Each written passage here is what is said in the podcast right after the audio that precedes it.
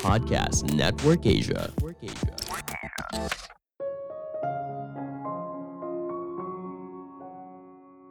Jangan selalu gunakan uang untuk memotivasi seseorang. Hal ini malah berdampak buruk dalam jangka panjang. Halo semuanya, nama saya Michael. Selamat datang di podcast saya, Sikutu Buku. Kali ini saya akan bahas buku Drive karya Daniel Pink. Sebagai informasi, podcast Sikutu Buku sekarang bergabung dengan Podcast Network Asia dan Podmetrics loh. Sebelum kita mulai, buat kalian yang mau support podcast ini agar terus berkarya, caranya gampang banget. Kalian cukup klik follow.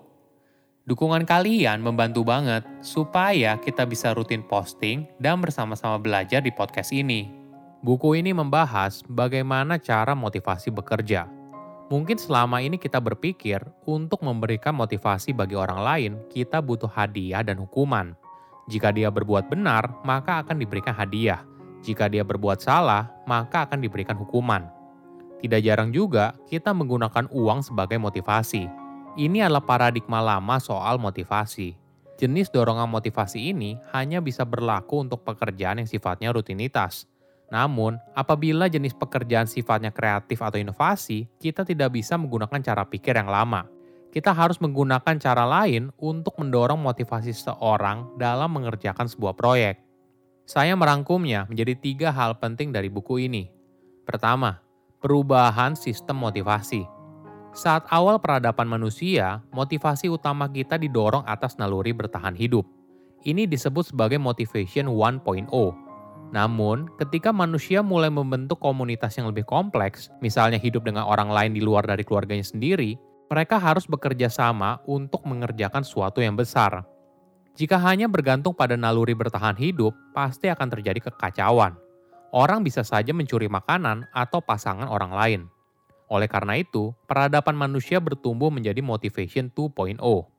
Cara ini tidak berbeda dengan mendorong kuda untuk bergerak, yaitu memberikan wortel ke arah yang mau kita tuju atau memukulnya dengan tongkat agar kuda tersebut mau bergerak. Sistem motivation 2.0 sangat penting, apalagi di era revolusi industri. Dengan serangkaian hadiah dan hukuman, manusia bisa bekerja lebih efisien dan efektif. Namun sayangnya, sistem motivation 2.0 sudah tidak cocok dengan kehidupan era sekarang. Sistem ini menghancurkan kreativitas, mengurangi kinerja, menciptakan kecanduan, dan mendorong pemikiran jangka pendek. Contohnya begini, jika kita hanya fokus memberikan hadiah pada sebuah perilaku baik dan memberikan hukuman pada perilaku yang buruk, secara tidak sengaja kita akan menghilangkan motivasi internal seseorang untuk melakukan sesuatu. Perlu dipahami, dalam hidup ada dua jenis kegiatan, algorithmic task, dan heuristic task. Algorithmic task adalah jenis kegiatan yang sifatnya rutinitas dan ada serangkaian proses yang dibutuhkan untuk mencapai hasil yang diinginkan. Sistem reward dan punishment cocok untuk algorithmic task karena sudah ada aturan main yang jelas. Namun di dunia yang kompleks, sekarang kita menjalani pekerjaan yang bersifat heuristic task, yaitu jenis kegiatan di mana kamu harus menggunakan kreativitas dan pemikiran untuk memecahkan masalah. Jika kita menggunakan sistem reward dan punishment, maka performa kegiatan heuristic task malah menurun. Oleh karena itu, kita butuh motivation 3.0, sebuah peningkatan yang kita butuhkan sekarang dengan anggapan manusia memiliki dorongan untuk belajar dan menciptakan dunia yang lebih baik.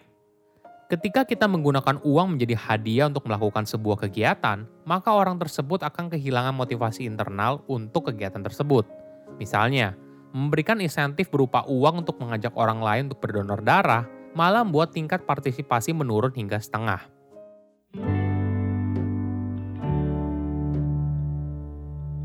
Kedua, dua tipe motivasi. Apa jenis motivasi yang cocok untuk era sekarang? Ada dua tipe motivasi, yaitu tipe I dan tipe X. Tipe I adalah motivasi yang berasal dari dalam diri, Seseorang termotivasi melakukan sesuatu bukan karena adanya hadiah yang berasal dari luar diri, tapi aktivitas tersebut membuat dirinya puas. Coba bayangkan seperti anak kecil yang sedang menikmati waktu bermainnya dengan sebuah mainan. Anak kecil itu tidak dibayar untuk bermain, namun rasa penasaran dan kepuasan dari pemain tersebut sudah cukup. Tipe kedua adalah tipe X yang berarti motivasi yang berasal dari luar diri. Seseorang termotivasi melakukan sesuatu karena diberikan uang lebih banyak, nilai lebih bagus, dan sebagainya. Ketika hadiah tidak lagi diberikan, biasanya aktivitas yang dilakukan juga berhenti. Inilah yang membuat motivasi tipe X itu hanya bertahan singkat.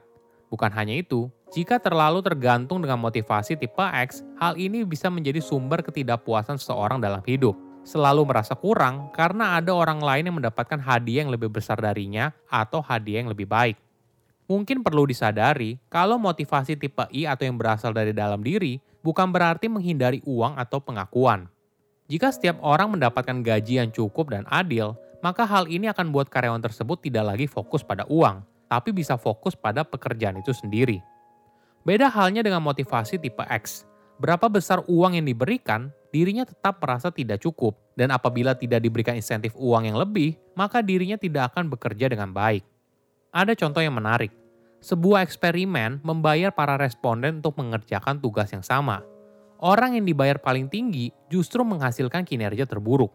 Hal ini menandakan semakin tinggi insentif tidak selalu berbanding lurus dengan kenaikan kinerja.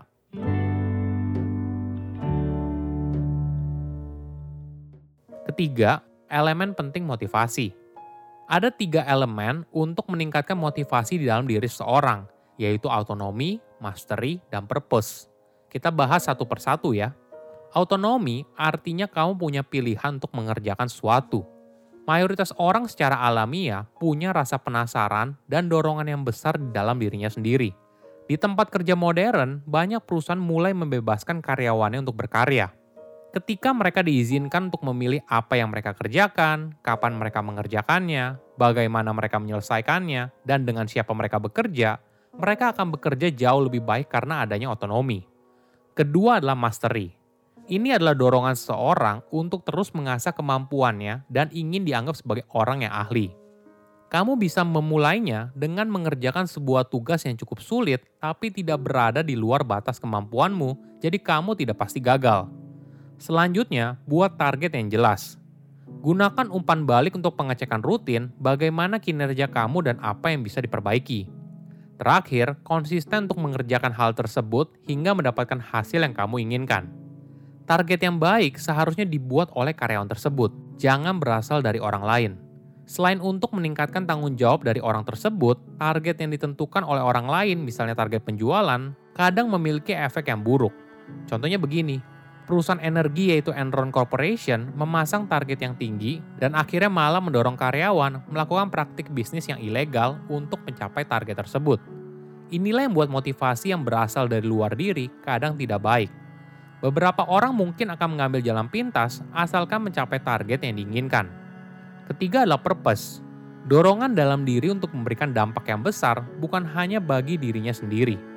Dorongan ini hanya muncul ketika seorang merasa apa yang dikerjakannya itu penting dan punya dampak yang lebih luas. Sebagai contoh, menciptakan produk yang hebat merupakan cara kerja Apple untuk memaksimalkan pendapatannya.